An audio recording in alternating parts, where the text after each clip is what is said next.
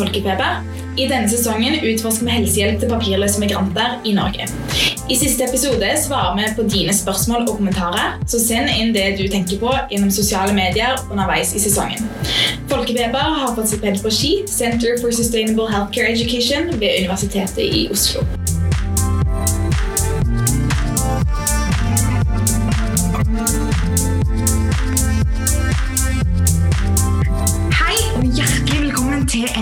Av Folkefeber. I dag er det jeg, Sine, og Ida som sitter her. Ja, og I denne episoden så skal vi snakke om arbeid eller mangelen på det, og hva det gjør med helsen til papirløse migranter, og hva bedre økonomi eventuelt kan føre til. Vi er så heldige å ha fått med oss Arne Viste, som er tidligere arbeidsgiver for papirløse migranter og aktivist. Hjertelig velkommen til deg. Eh, Arne, Hei, har- takk for det. Arne, du har tidligere vært eh, daglig leder i Plog AS, der du har ansatt papirløse migranter på tross av at loven eh, ikke lar disse menneskene arbeide. Du har kjempet på menneskerettighetene til denne gruppa, og eh, det du har gjort, det har vekt oppsikt blant ganske mange. Kanskje spesielt fordi du gjentatte ganger har gått til politiet for å anmelde deg sjøl, sånn som jeg har forstått det. Kanskje du forteller litt om hva som har gjort deg så engasjert i rettighetene til denne gruppa, og motivasjonen bak dette som du seneste år, de seneste årene har brukt veldig mye tid på? Eh, engasjementet er nok litt eh, bare sånn eh, urettferdighets- eller rettferdighetssans for min del. Eh, og, og så var det et personlig møte med noen i den situasjonen som eh, gjorde at jeg fikk et forhold til hva det er som skjer, ved å treffe mennesker. Eh, så det på en måte det møtet med mennesker i en sånn situasjon, det forandrer mye. Eh, og, det tror jeg kanskje er hovedproblemet til disse, det at de ofte lever isolert eh, liv. Eh, uten kontakt med nordmenn i arbeidslivet, uten kontakt med nordmenn i skole, uten kontakt med nordmenn på asylmottak, annet enn kanskje en mottaksleder og noe sånt. Så de får veldig lite, de lever veldig isolert, og blir derfor veldig marginalisert også. Mm. Og så starta du altså denne bedriften, Plog AS. Kan du fortelle litt om det? Ja, jeg så at uh, retten til arbeid Vi har jo på en måte Jeg tenker det er først og fremst to grunnleggende menneskerettigheter som disse går glipp av i Norge. Det er retten til helsehjelp og retten til arbeid. Og, og begge delene er forankra både i grunnlov og i menneskerettslov. Eh, og så har da den praktiske politikk ført oss vekk fra det. Eh, med min bakgrunn Jeg hadde et lite firma og leide ut meg sjøl til oljebransjen. Eh, så min, det som liksom lå i mine hender, det var at jeg kunne utfordre dette med retten til arbeid for disse. Og det gjorde jeg først ved å ta ut en stevning av Justisdepartementet. Arne visste stevner Justisdepartementet for brudd på grunnlov og menneskerettslov, var vel tittelen på den stevninga. Og det, eh, Da fikk jeg ikke tilgang til rettsvesenet for å få en sånn avklaring.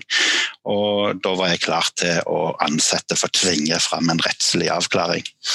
Så hadde jeg mitt eget lille aksjeselskap som min lønn gikk igjennom, og så bare ansatte den første og sendte brev til politi og skatt. Nå er vi i gang. Og dermed så ble politiet satt litt av banen. Jeg spilte med fullstendig åpne kort.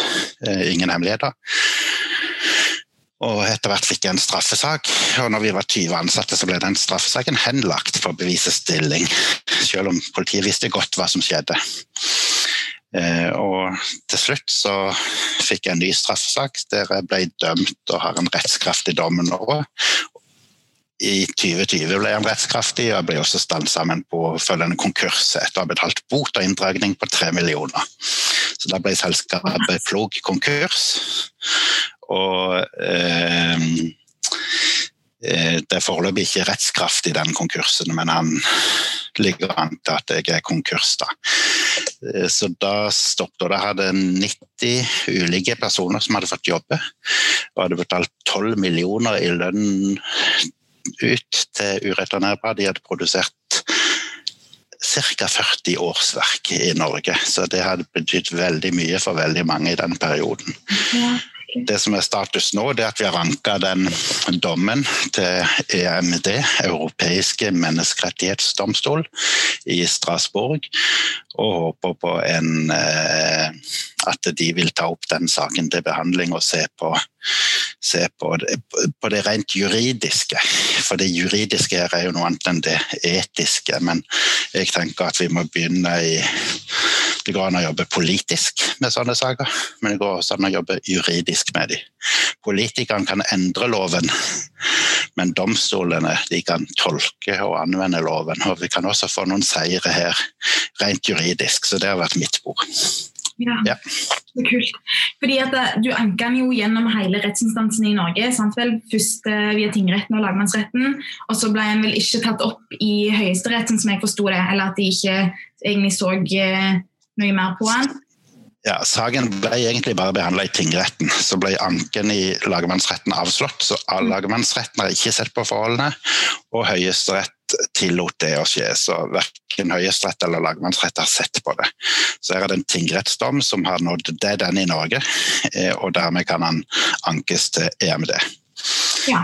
Eh, og det er det håp. Og så er det også noen nye straffesaker mot meg på tilsvarende forhold, som vi vil få opp i rettsvesenet. Og så er det noen mot straffesaker mot ansatte og noen straffesaker mot kunder. Så de er på pågående og påløpende i disse dager.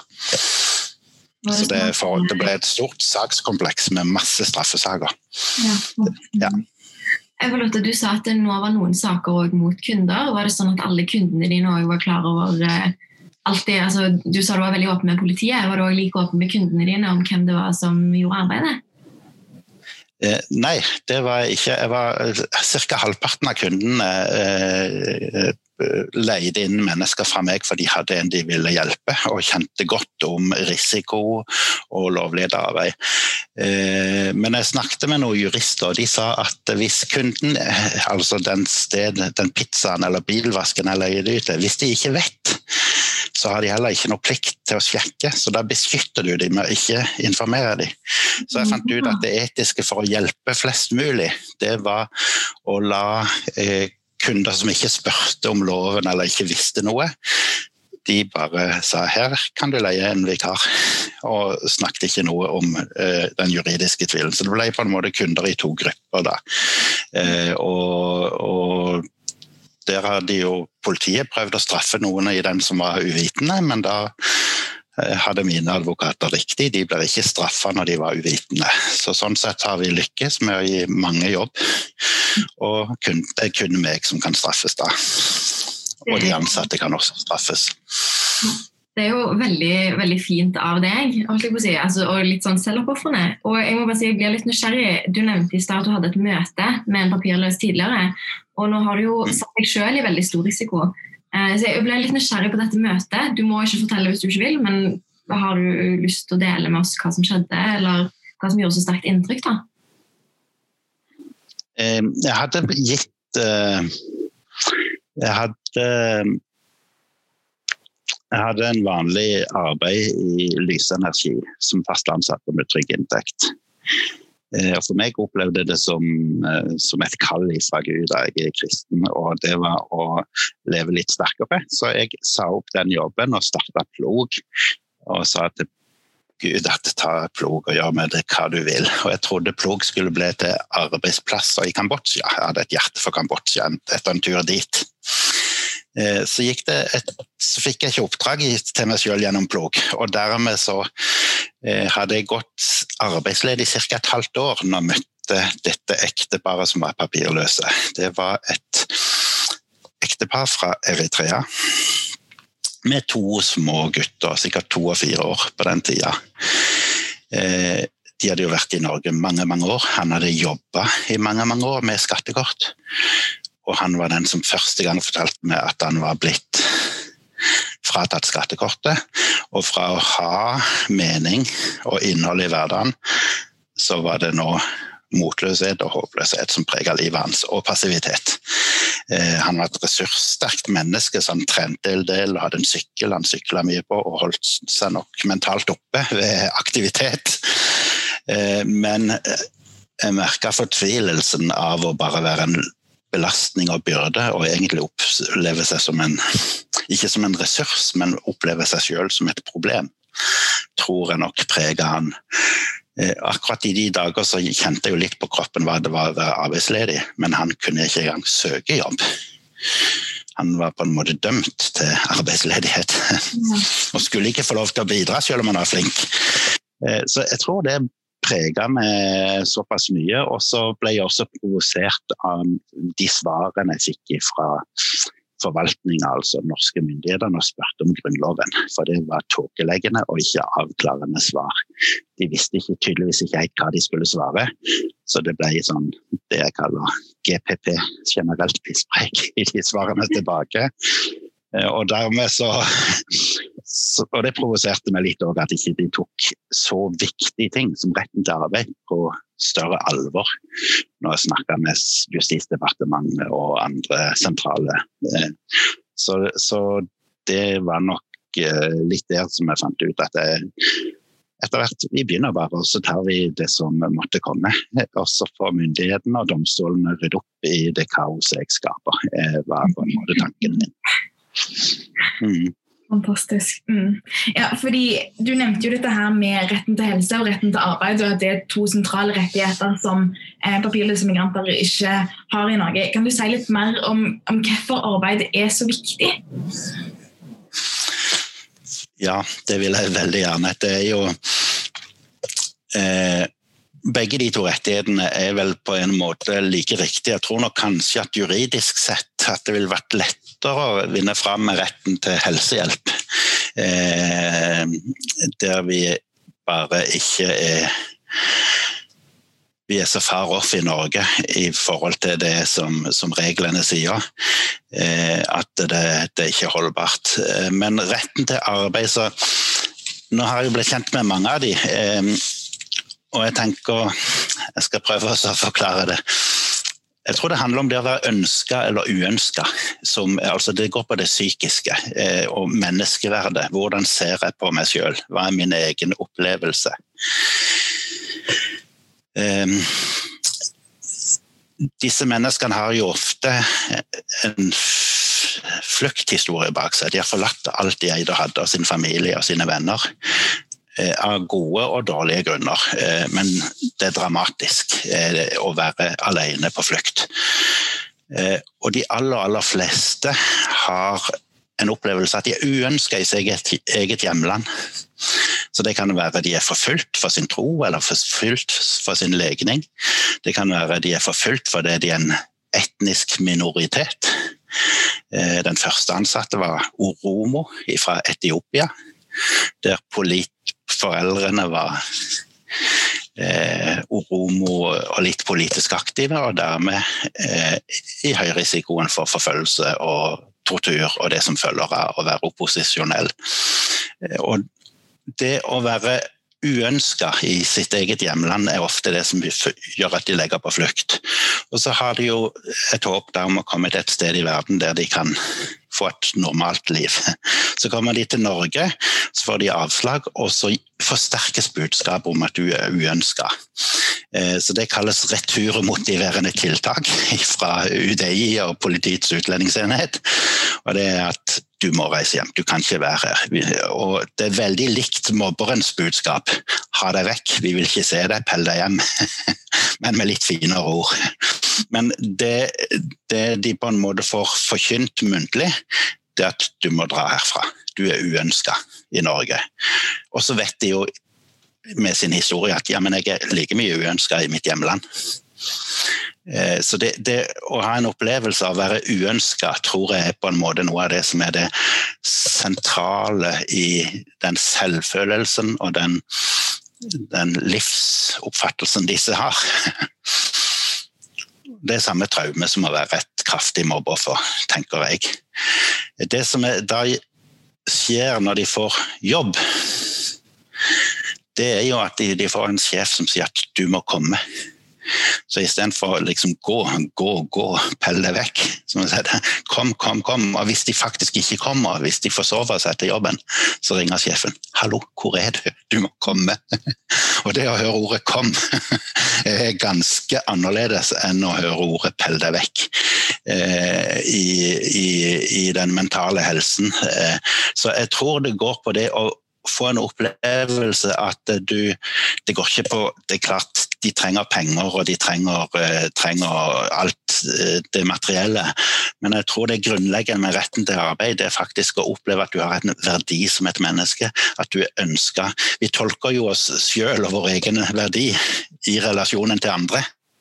Og her møter de den arbeidsgiver som de tolker sin egen verdi i relasjon. Mm. Og den, den relasjonen som en arbeidsgiver arbeidsforhold gir, den er veldig, veldig eh, full av mening og verdi og håp. For det betyr at du er ønska, du må komme, og er faktisk villig til å betale deg for at du skal komme. Så det er tvert om det, det motsatte budskapet de har levd med hele livet. Og det er klart det har med psyken å gjøre, men først og fremst har det med menneskeverd å gjøre. Hvordan skal vi behandle våre mennesker? Skal vi si at du er bare en belastning, du får ikke jobbe, du får ikke bidra? Eller skal vi si at du er flink, du kan noe, du får lov til å bidra? Inntil vi en dag får returnert deg.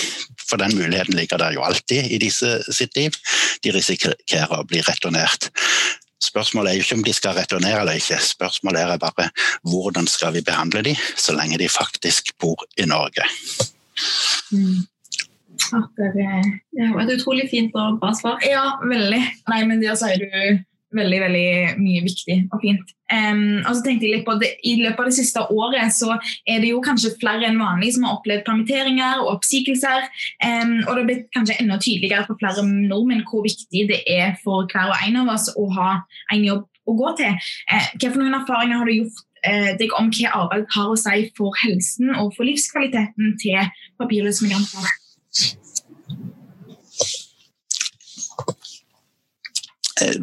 For disse handler det jo Når de bor på Det er to kategorier de ureturnerbare. Jeg kan først si litt om de ureturnerbare. For papirløse er egentlig en ganske stor gruppe med mennesker. Eh, og papirløse er jo alle som er i Norge og ikke har papirer på å være her. Men de færreste av de har søkt asyl noen gang. Kanskje de har besøkt kjæresten sin, og så har de ikke reist hjem til Argentina la oss si, innen fristen. De hadde bare turistvisum for å besøke kjæresten. Og så blir de i Norge. Og de trenger jo helsehjelp hvis de blir syke, men de er papirløse. Eller de er ofre for menneskehandel, kanskje prostituerte.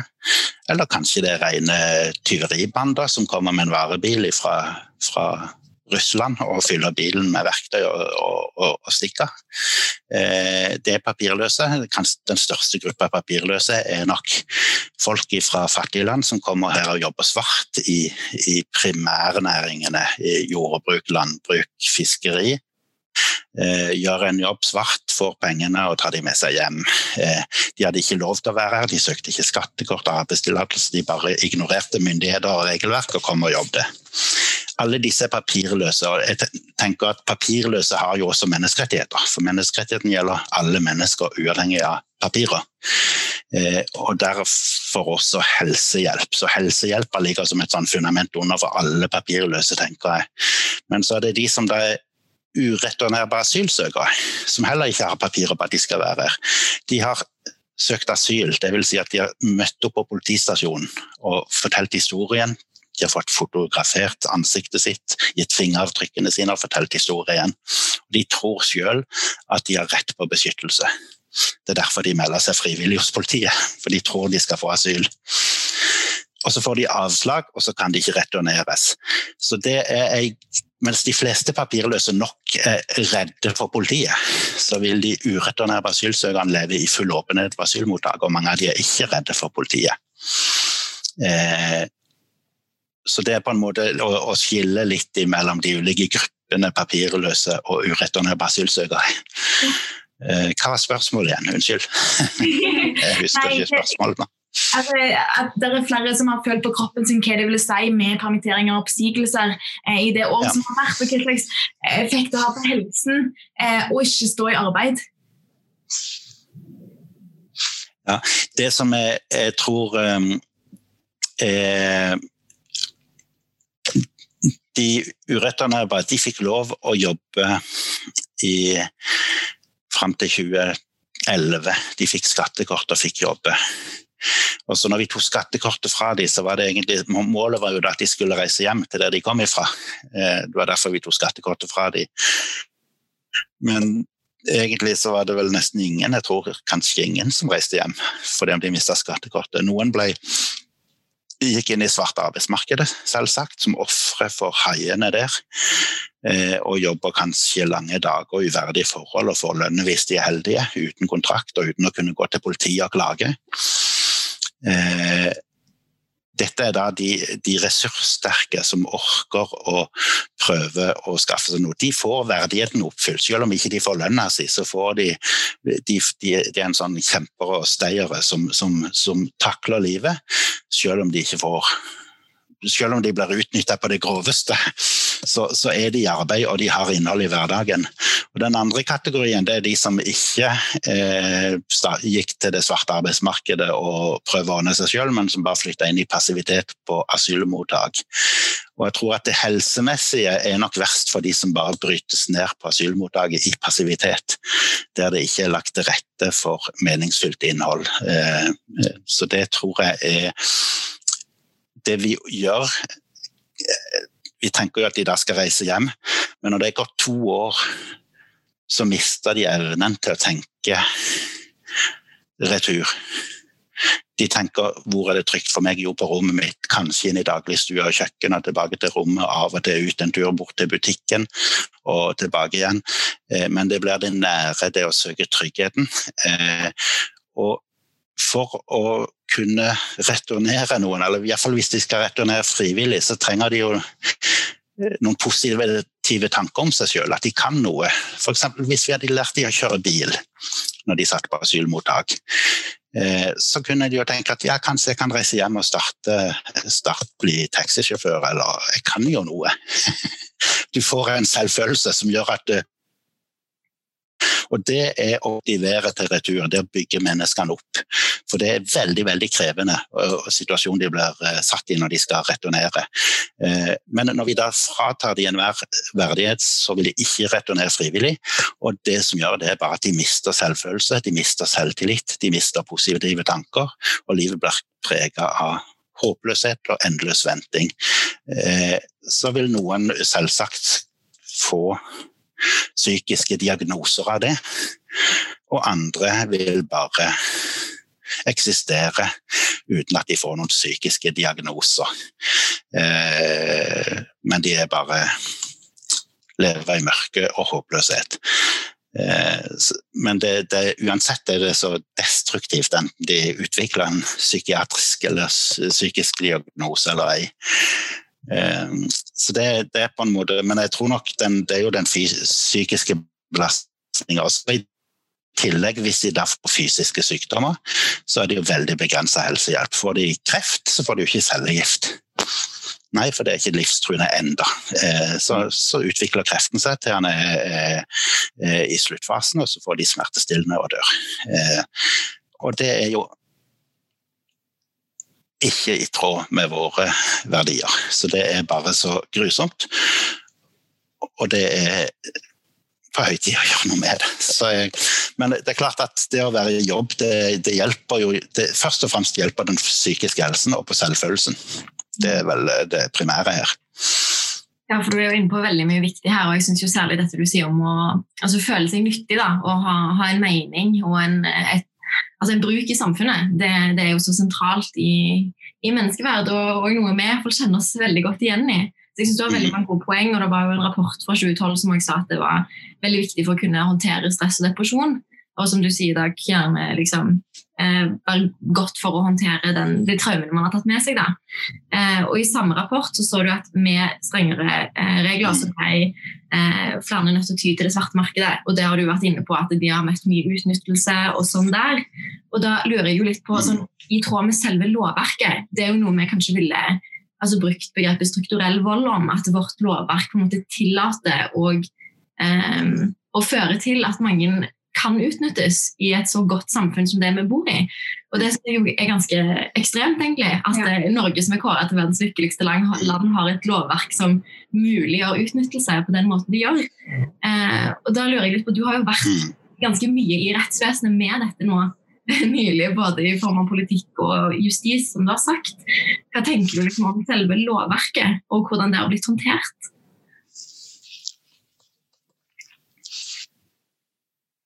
Jeg tenker jo at lovverket ikke er endelig avklart ennå. Eh, jeg fikk en rettskraftig dom eh, mot meg som ikke avklarte de kjernespørsmålene vi stilte. Eh, så jeg har masse ubesvarte juridiske spørsmål som ikke besvares av den dommen som foreligger. Og det er jo et grunn til å fortsette å, å, å, egentlig prosjektet mitt da. Eh, så det er enda ikke noe det er den fra min side, for jeg har flere juridiske avganger som Oslo tingrett hoppet over. Eh, når det gjelder det strukturelle, jeg pleier å si at eh, den største gavepakka som en, noen politikere noen gang har gitt haiene på arbeidsmarkedet, de som grovt eh, utnytter arbeidstakere og gir bengen i skatt og og, og herjer rundt med grådighet som motiv. Den gavepakka ble gitt i 2011 når vi tok skattekortet fra dem. Vi satte tusenvis av mennesker i en håpløs situasjon og sa til haiene på arbeidsmarkedet her er de desperate. Ingen støtte, ingen, ingen plass å søke hjelp hvis de blir utnytta. Gjør med de hva dere vil. Så jeg opplever jo at det som Knut Storberget og Hanne Bjurstrøm og eh, Sigbjørn Johnsen var det vel som var finansminister, da, gjorde når de tok skattekortet fra dem, det var bare grusomt. Og det var akkurat det motsatte av det som er arbeidslinja i norsk politikk. Eh, og så gjorde de det uten å gjøre lovendring. De gjorde det uten å begrunne det ut bak med lukka dører.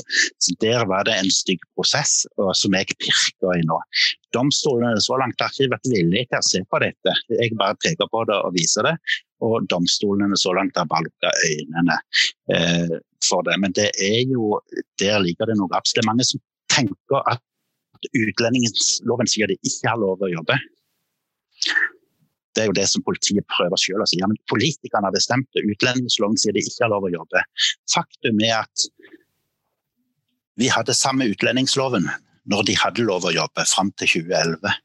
Så det er ikke utlendingsloven som er her. Det var en udokumentert praksisendring bak lukka dører som tok skattekortet fra dem. Det var ikke en lovendring. Eh, og dette er i forbindelse med rettssaken mot meg og Stålsett, så sjekka faktisk.no opp disse tingene og beskriver dette. Her var det ikke en lov, lovendring som ligger til grunn, her var det bare en praksisendring.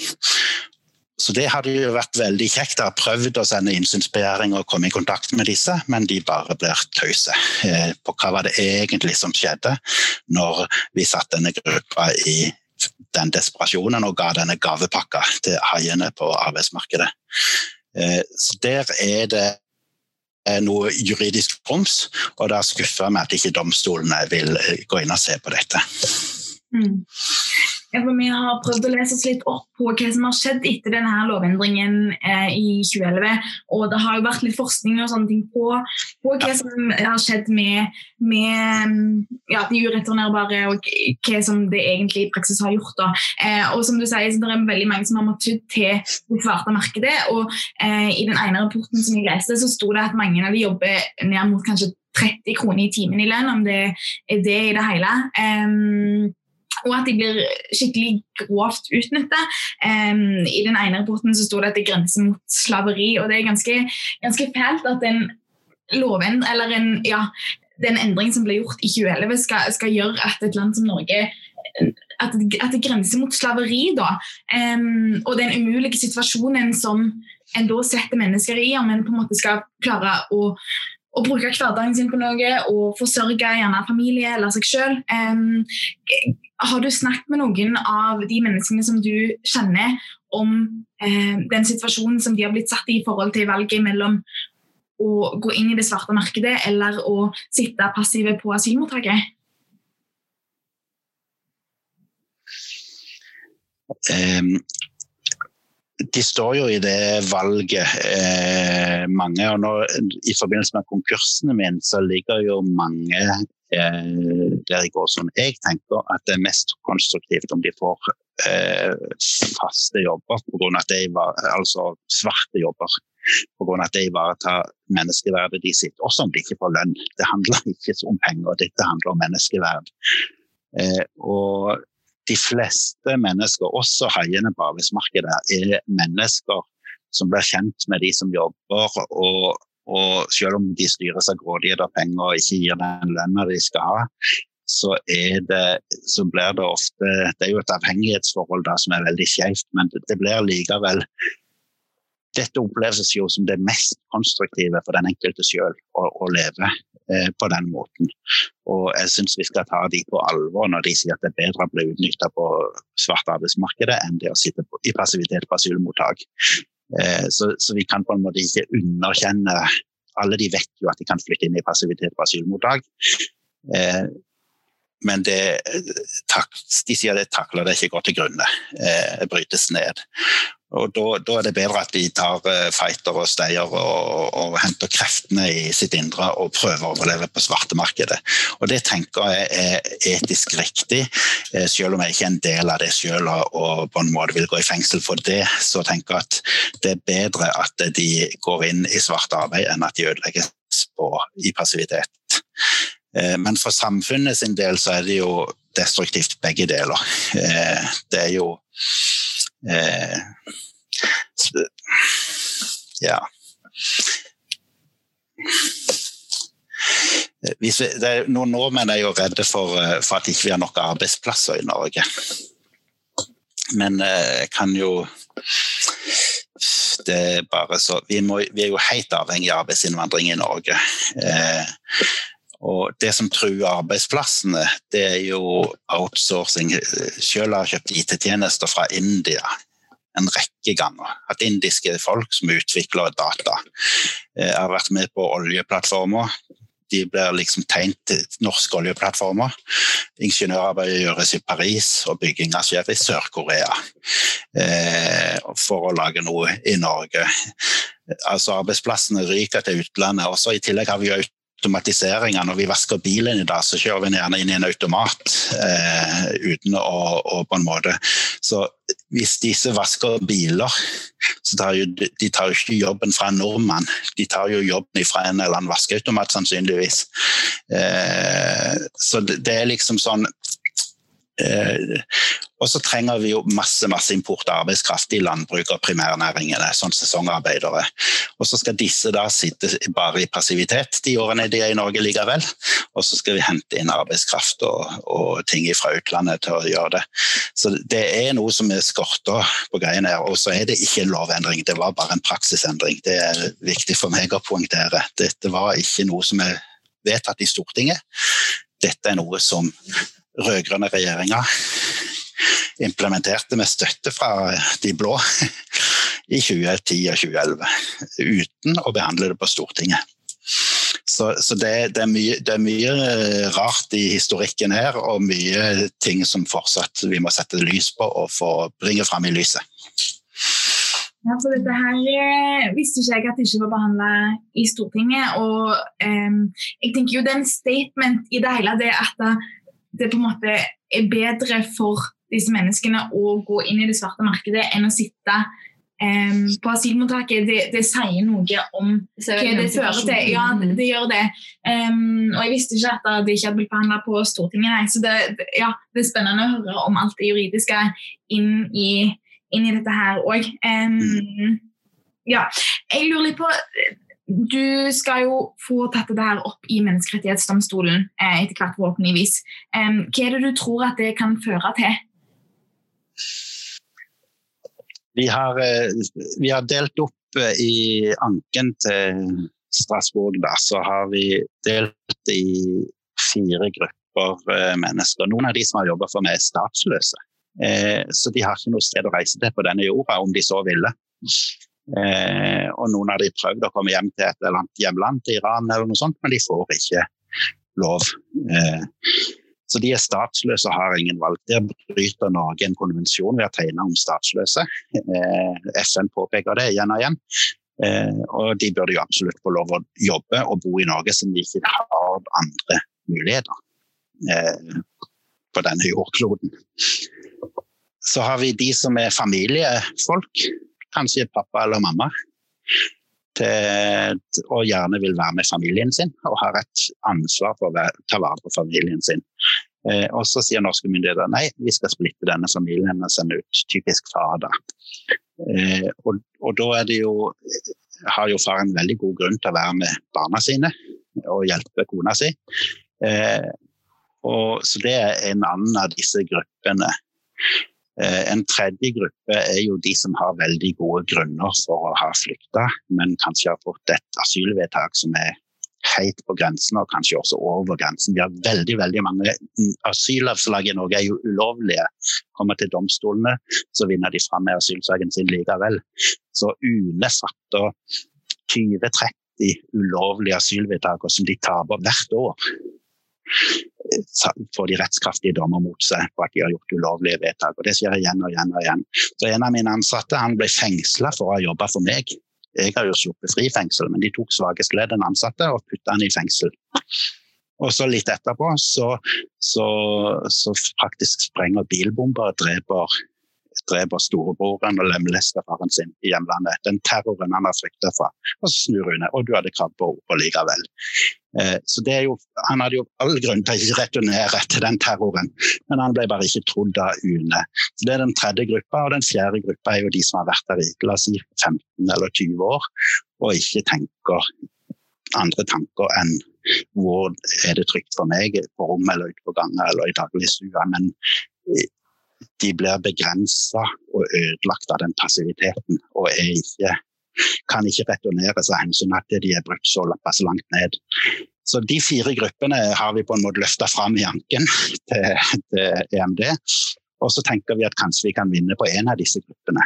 Iallfall de statsløse. De burde jo iallfall få en eller annen rettighet. Og så får vi se hvordan EMD håndterer det, om de i det hele tatt vil se på det, eller om de bare forkaster det. vet vi ikke ennå.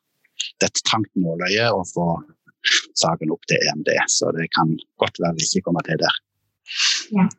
Vet du når dere får noe mer svar på det? Vi sendte saken i november, så jeg regner med at før påske så vet vi om EMD vil behandle den. De sier enten ja til behandling eller nei. Eh, og så vil den nok bli behandla til høsten, håper jeg.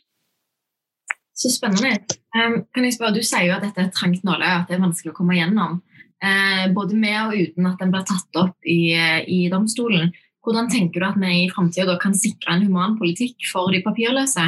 Og altså, hva vil en eventuell rett til, til, arbeid gjøre med både psykisk og fysisk helse for denne gruppa? Jeg tenker at Løsninga her det ligger å få opplysning om eh, dette ut til det norske folk. Eh, og påvirke folkeopinionen. Eh, og om vi vinner juridisk eller vinner vi juridisk, så vil det skape masse oppslag i mediene, og folk vil eh, komme fram i lyset og fortelle, og så vil vi påvirke folkeopinionen. Og da følger politikerne etter. Så jeg tenker kanskje det målet her må være å få norske folk til å kjenne til denne situasjonen. Hvem de er, hvordan de har det, hvilke grunner de har til å være i Norge. Og da tror jeg det vil løsne noen politiske løsninger. Før det så vil det også med en juridisk seier i seg sjøl vil være begrensa hvis ikke vi greier å påvirke folk flest. Så jeg tenker jo at eh, målet, langsiktige mål her må være å få folk til å forstå at for det første er dette helt unødvendig. Det har ikke med, har ikke med innvandringsregulerende tiltak å gjøre. Eh, det er ikke sånn at hvis vi eh, gir de lov til å jobbe, så kommer hele Afrika eller tusenvis av nye mennesker over Middelhavet i gummibåter. Det er ikke sånn de mekanismene fungerer. Og ved å ta skattekortet fra de heller, så reiste de ikke hjem igjen.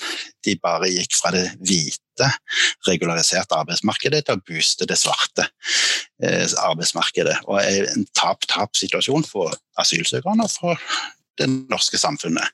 Så det er, det er liksom bare å få fram litt fakta og terpe på de om igjen og om igjen, så tror jeg at både vanlige folk og politikere vil se at her kan vi finne noen mer konstruktive løsninger for alle parter.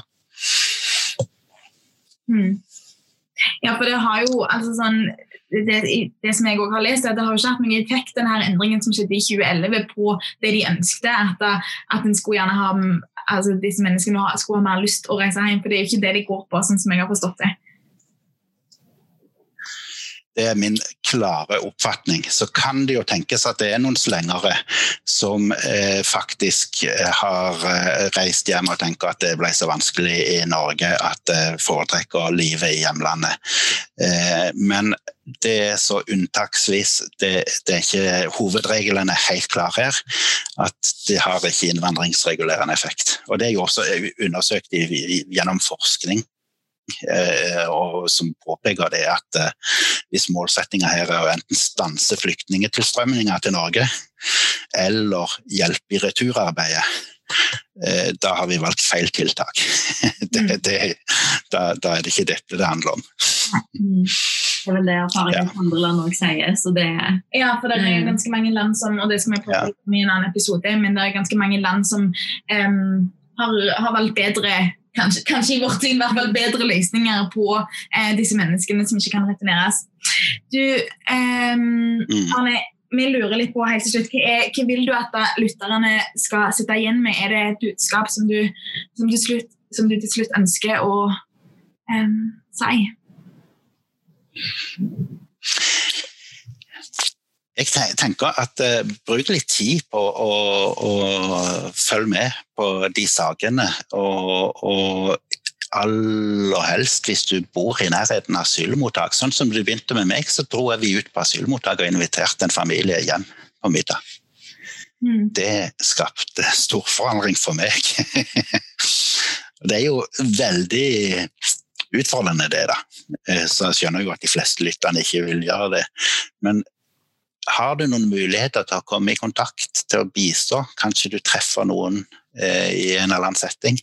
Eh, hvis du jobber i helsevesenet, så treffer du de kanskje på jobb eh, i gitte tilfeller. Eh, bare være åpen og nysgjerrig og, og bruke litt tid, og, og vite at, eh, at, her er det, dette er mennesker som har opplevd stor mangel på medmenneskelighet tidligere i livet, og se om du kan bidra på en eller annen måte. Det tenker jeg må være eh, budskapet. Mm. Mm. Av og til er det noen som er redd. Noe, av og til så kommer politiet med noe skremselspropaganda om at det er ulovlig å hjelpe disse menneskene. Du hjelper de til ulovlig. Du kan straffes hvis du gir dem helsehjelp, eller du kan straffes hvis du gir dem bolig, eller du kan straffes hvis du gir dem mat eller penger det stemmer ikke. Eh, du kan gi dem både bolig, du kan gi dem penger, du kan gi dem mat. Eh, men du kan ikke gi dem jobb, da, der risikerer du straff. Men penger det kan du gi dem. Du kan gi dem mobiltelefon, du kan gi dem busskort. Eh, du kan gi dem veldig, veldig mye godt uten å bryte loven og uten å risikere noe sjøl. Ja. Mm. Og det er jo veldig godt å vite. For det er jo noe med, Vi skal jo også snakke med en eh, advokat nå i en uh, senere episode for å undersøke selve justisen. Da. Vi sitter jo veldig i hva kan vi gjøre. Vi har jo lyst til å hjelpe særlig da, i helse for oss, men òg i forhold til dette andre. Så det er veldig fint at du sier. Ja. Mm. Og jeg tror det er mye uklarheter rundt akkurat hva som er lov og ikke. Så jeg, eh, ja, det syns jeg var en veldig fin fin avslutning på episoden, Arne.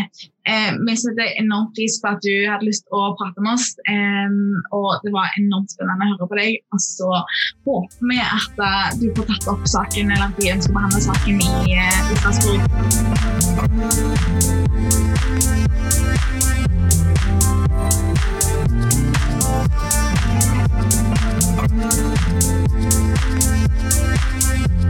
Det var veldig spennende å høre på. I det her var det mye som jeg ikke var klar over, og som ja, jeg sitter igjen med bare masse tanker, og spesielt gjerne de historiene som han kom med, og hvordan han sjøl har blitt så engasjert, mm. sitter jeg veldig igjen med. Um, ja, jeg kjenner jeg ble altså, kjempeinspirert, og bare måten han snakket om det på, og sånn som du sier, alle opplevelsene og erfaringene han delte. Og så synes jeg, altså, sånn jeg sitter og kjenner at jeg blir inspirert, men også litt sånn Iallfall i begynnelsen ble jeg litt sånn håpløs.